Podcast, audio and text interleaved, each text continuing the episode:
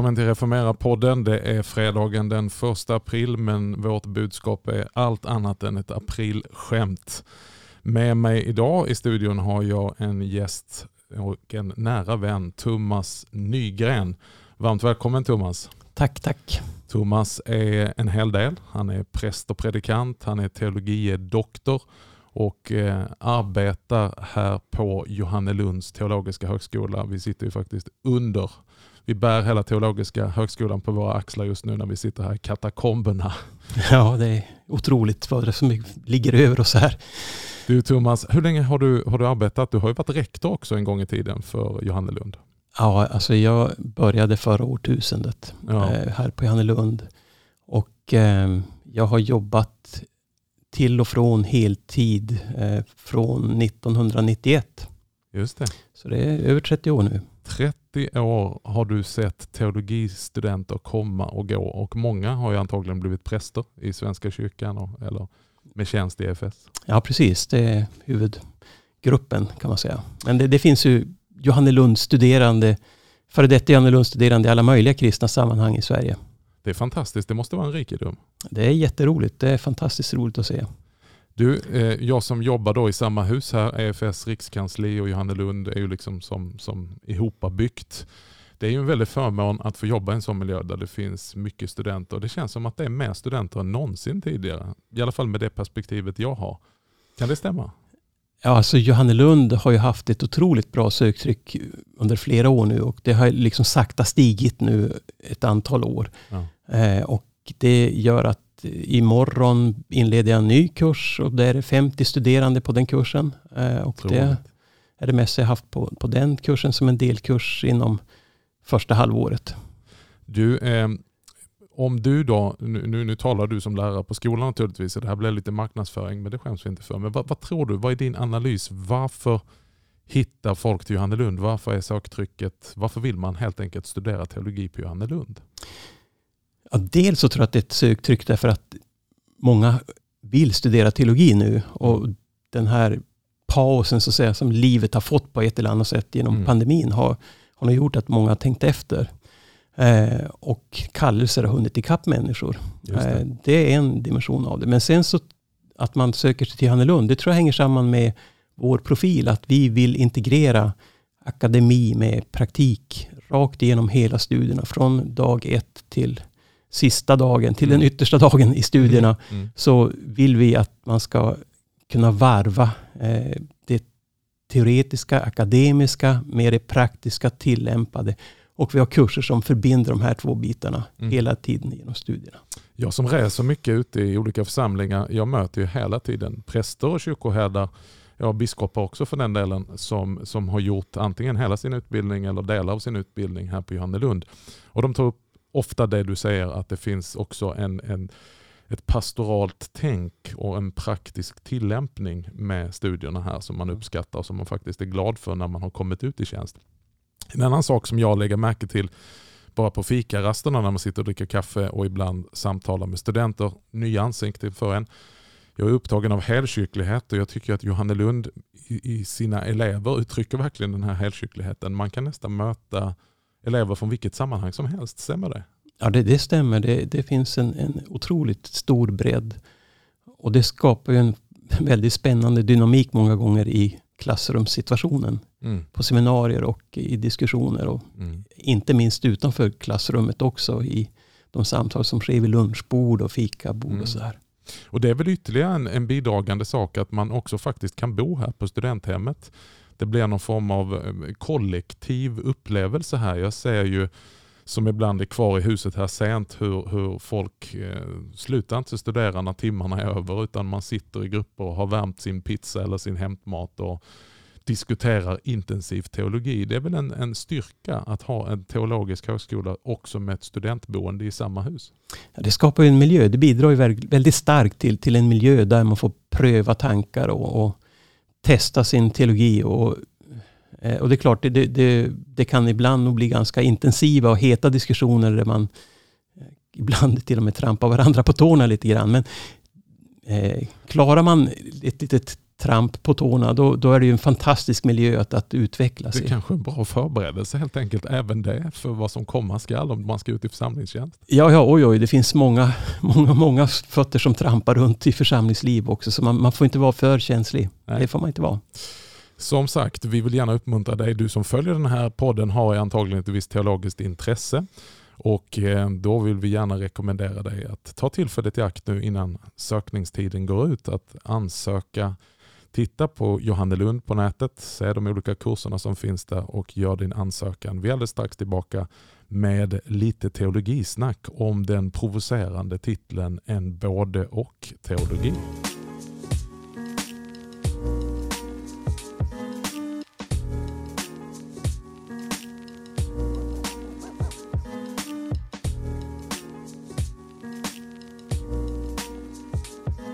Thomas, ehm, du är ju eh, vår egen Obi-Wan Kenobi som jag har sagt vid något program tidigare. Du har ju varit med här innan. En, en, en, en värdefull teolog som vi många eh, prövar saker emot och spänner emot och du är en, eh, en formidabel Lutherkännare som kan konsten att göra Luther tillgänglig för nutiden. Eh, jag har själv hållit på att skriva om ett tema som vi ska tala om nu och eh, då kom jag över en artikel som du har skrivit för inte så länge sedan, men du har ju skrivit på det här ämnet många gånger.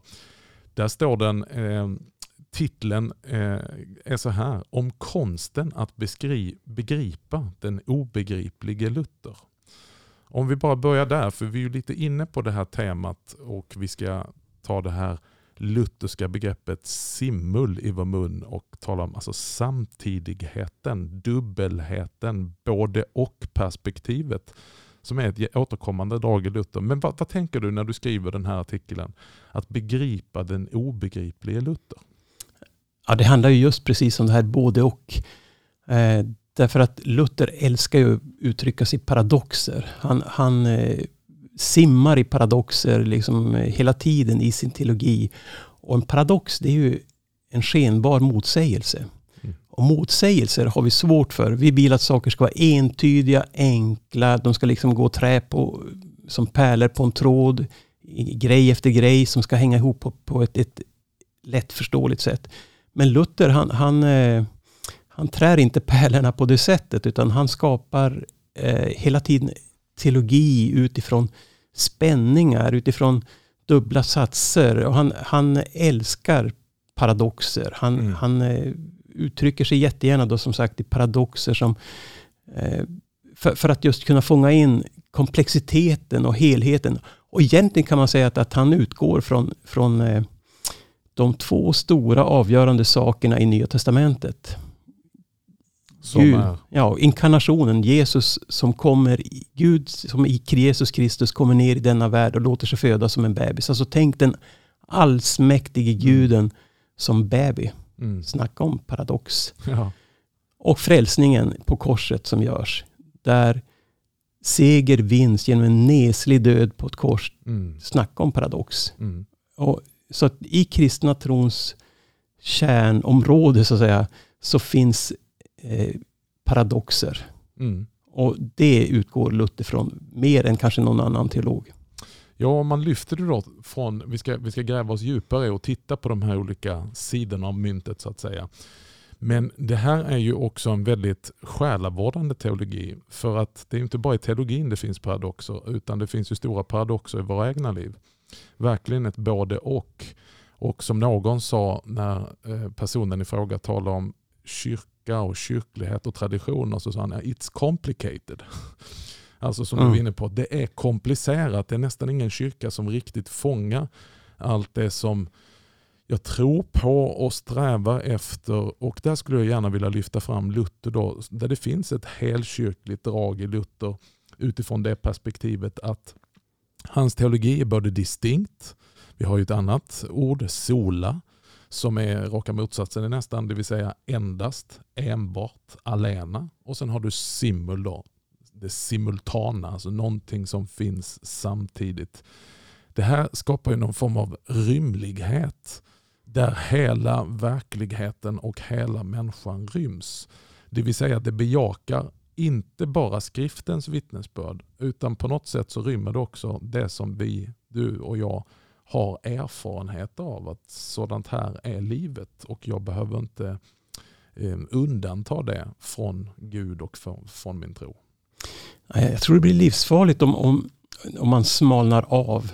Bokstavligen livsfarligt för tron att inte ha med det här detta simul, samtidigheten. Mm. För att om, om jag inte förstår att jag som kristen också brottas med syndens realitet i mitt liv, mitt under allt som sker. Mm. Men då kommer jag att vara eh, oberedd för när saker och ting inträffar. För jag kan ju inte råka ut för det där. Jag kan ju inte falla för de här frestelserna. Mm. Känner man till att, att jag bär på en syndare i mig också. Mm.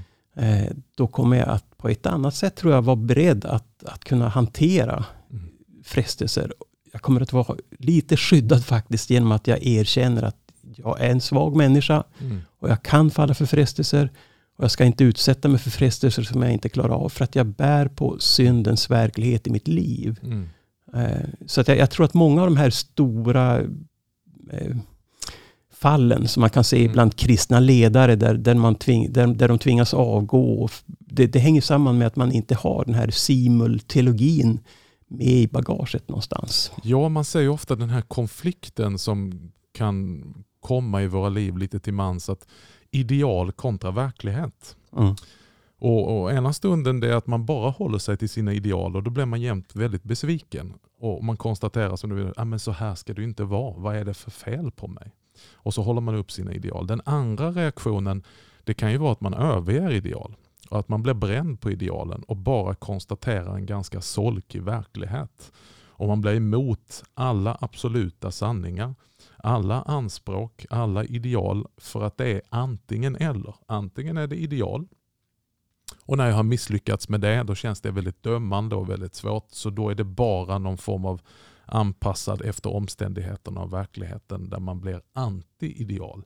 Men här tycker jag det fantastiska med Luther, Luther är inte ensam. Han står ju på god biblisk grund. Jesus Kristus själv var ju, om vi nu använder det ordet lite slarvigt, en paradoxernas man när han undervisar. Han säger att den som vill finna sitt liv och vinna sitt liv, den måste mista sitt liv för att mm. finna det.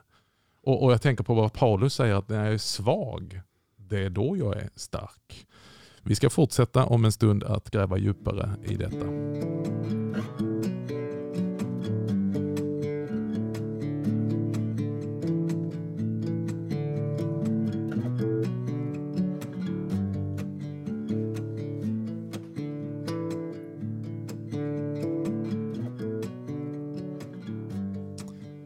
Eh, ja, Thomas, eh, om vi fortsätter på det här du var inne på med som är kanske det mest klassiska och kända perspektivet på Luthers simul, simul justus et peccator, alltså samtidigt rättfärdig och syndare. Du var inne på, på det precis här innan.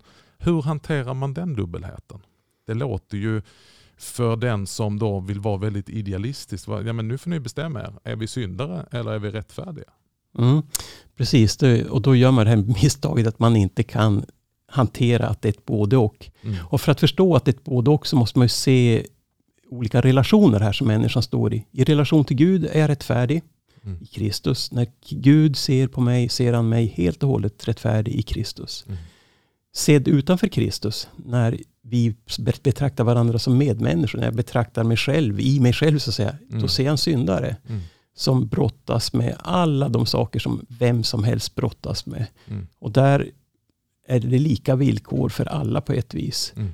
Eh, och det man kallar för helgelse, det handlar ju egentligen om att, att eh, den här syndaren eh, i mig ska få allt mindre utrymme i mitt mm. liv. Eh, så att det här, ibland tänker man så att ja, men har man den här simul justus et peccator samtidigt rättfärdig och syndartanken, då har man ingen helgelsetanke. Tvärtom, det, det är då verkligen som man kan ha en helgelsetanke. Mm. För då förstår man vad som behöver dödas, nämligen vårt kött. Och man förstår vad som behöver odlas, nämligen det Gud i Kristus har gjort. Att det får kasta ljus över mitt liv och att jag ska hjälpa, ja, att jag får, får så att säga, allt mer praktisk möjlighet att tillämpa det ute i olika dimensioner av mitt liv. Precis, och samtidigt då som det skänker en visshet eftersom helgelsen inte betraktas som en premieobligation. Det vill säga som växer i värdet. Ju mer jag blir helgad ju säkrare är jag på min frälsning. Utan att den är säker eftersom i förhållandet, alltså coram deo som man säger, alltså inför Gud, så är det inte min egen rättfärdighet eller ens helgelse som mm. räknas. Eh, mitt lärjungaskap, mitt nit, min iver, utan det är enbart en rättfärdighet som inte är min egen, en främmande rättfärdighet som, eh, som eh, Luther talar om, som kommer utifrån och utan mig, helt oberoende av mig, så är den min och den är fullständig. Den är den är 100% fullkomlig, det är Kristi rättfärdighet. Där i har jag min identitet inför Gud. Och då kommer ju rädslan naturligtvis. Ja, men undervisar man så, då kommer man uppmuntra människor att strunta helt i den här andra sidan. Så då kommer ju syndaren igen att löpa amok. Det har du säkert mött flera gånger. Ja, ja precis. Och det hänger ju samman med att, att, man, eh, att man inte kan ha den här samtidstanken med sig. Eh, då tvingas man välja på något sätt. Då väljer man då att människan är rättfärdig förklarad. Att ha, låta det vara mm. Sanningen man, man liksom säger, lutar sig mot. Men då finns det inte plats för någon annan sanning egentligen. Mm. Och då tänker man sig kanske då utifrån det perspektivet att ja, men då blir det ju en billig nåd. Då blir, då blir ju det här ett frisedel till att leva precis hur som helst. Mm. Men, men eh, det, det, det, är ju eh, en, en missuppfattning. För det, det, det är ungefär som att tänka som en, en relation där man älskar varandra. Mm. Eh, inte kommer, om jag är viss om att min fru älskar mig, så kommer inte det leda till att jag börjar bete mig som ett svin. Utan mm. det kommer ju tvärtom att trigga mig att göra allt mer gott i vår relation. Mm. Så, det, så det, det, det, det, ja, när man ser det som, om man enbart ser det som en, en affärstransaktion, då blir det tokigt. Men det, det är också en kärleksrelation som det här uttrycker. Precis. Någon uttryckte det så, jag tror det är Torbjörn Johansson eh, som skriver om just förhållandet mellan relation kontra substans. Alltså två olika parametrar eller perspektiv. Att, att människans substans, om vi skulle undersöka vårt eget hjärta, alltså vårt inre, vad vår själ är full av, så skulle vi inte hitta mycket rättfärdighet. Även om vi har kommit långt på helgelsens väg. Och, och, och vi tror på förvandling, det har vi en annan eh, paradox som vi, vi alldeles strax ska komma till. Men här på jordelivet kommer vi aldrig bli så förvandlade att om vi dissekerar oss, skulle göra någon sorts andlig obduktion, så kan vi inte hitta 100% rättfärdighet. Men vi kommer hitta mycket annat som vi kanske inte är jätteglada att se. Det är ju människans substans. Eh, Medan rättfärdigheten som vi berömmer oss av är ju igen inte vår egen rättfärdighet utan Kristi rättfärdighet och den uppkommer genom en relation. Som inte behöver, ibland så vill man ju då, ja men det där är bara juridiskt, en kall juridik. Men det är ju precis som du säger och som liknelsen med din fru, en, en, en relation som vi dras in i med Kristus, en förening med Kristus. Mm. Och det här med att, att kika in i sig själv för att hitta rättfärdigheten, det, eller hitta det goda på något sätt. Det, det, det handlar ju, vår tid handlar ju väldigt mycket mm. om det. Men det, det, är ju som att skala lök. Mm. Eh, man hittar inte någon kärna och man hittar och det blir bara tårar. Mm. Alltså det, det, det är en bra bild. eh, så vi, vi, är ju eh, funtade på sånt sätt så att, så att vi, vi, behöver hitta vår identitet. Och därför är det så fantastiskt skönt med, med just den här predikan av, om, om den tillräknade rättfärdigheten. Det har blivit någon i Guds ögon utan egna prestationer. Det är ju fantastisk vilopunkt.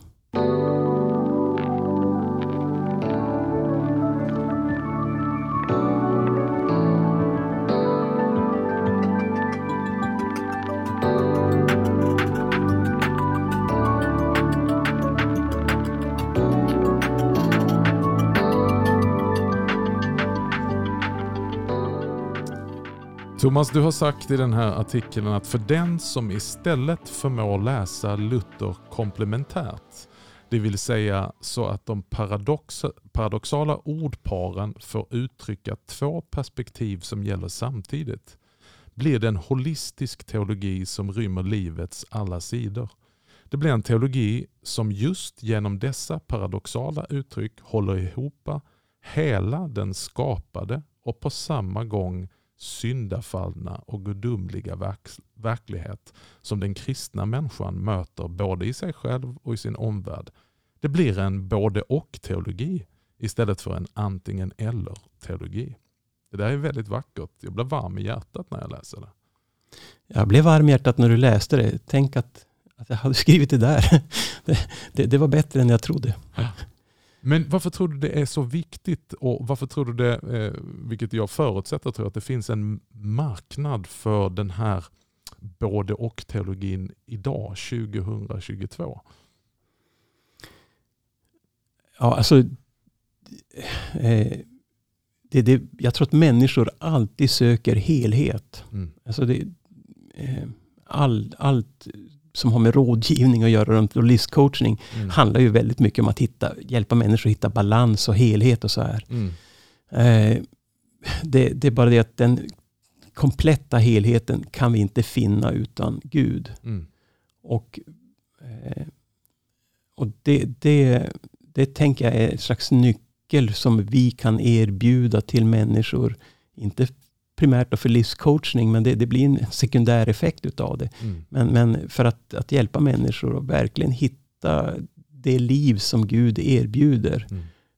Eh, och, eh, så, att, så att kyrkan har ju en, en, fantastisk möjlighet att erbjuda någonting. Och den som så att säga, eh, kommer inom hörhåll och får höra det här, mm. kan ju göra fantastiska upptäckter. Och jag, det är så vackert att se en del människor i, i, i den kyrka där jag är engagerad, eh, i Lötenkyrkan här bredvid, eh, där man får se, har fått se, fått se en del människor som just har fått göra den här resan och börja upptäcka mer och mer utav vad Gud ger och mm. upptäcka vad evangelium. Och det, det, jag tycker, det är det vackraste man kan få se. Och det blir också en, en utmaning till mig själv som gammal kristen att, mm. eh, att leva i det här och komma ihåg hur, vad, vilket fantastiskt erbjudande, vilket under det är.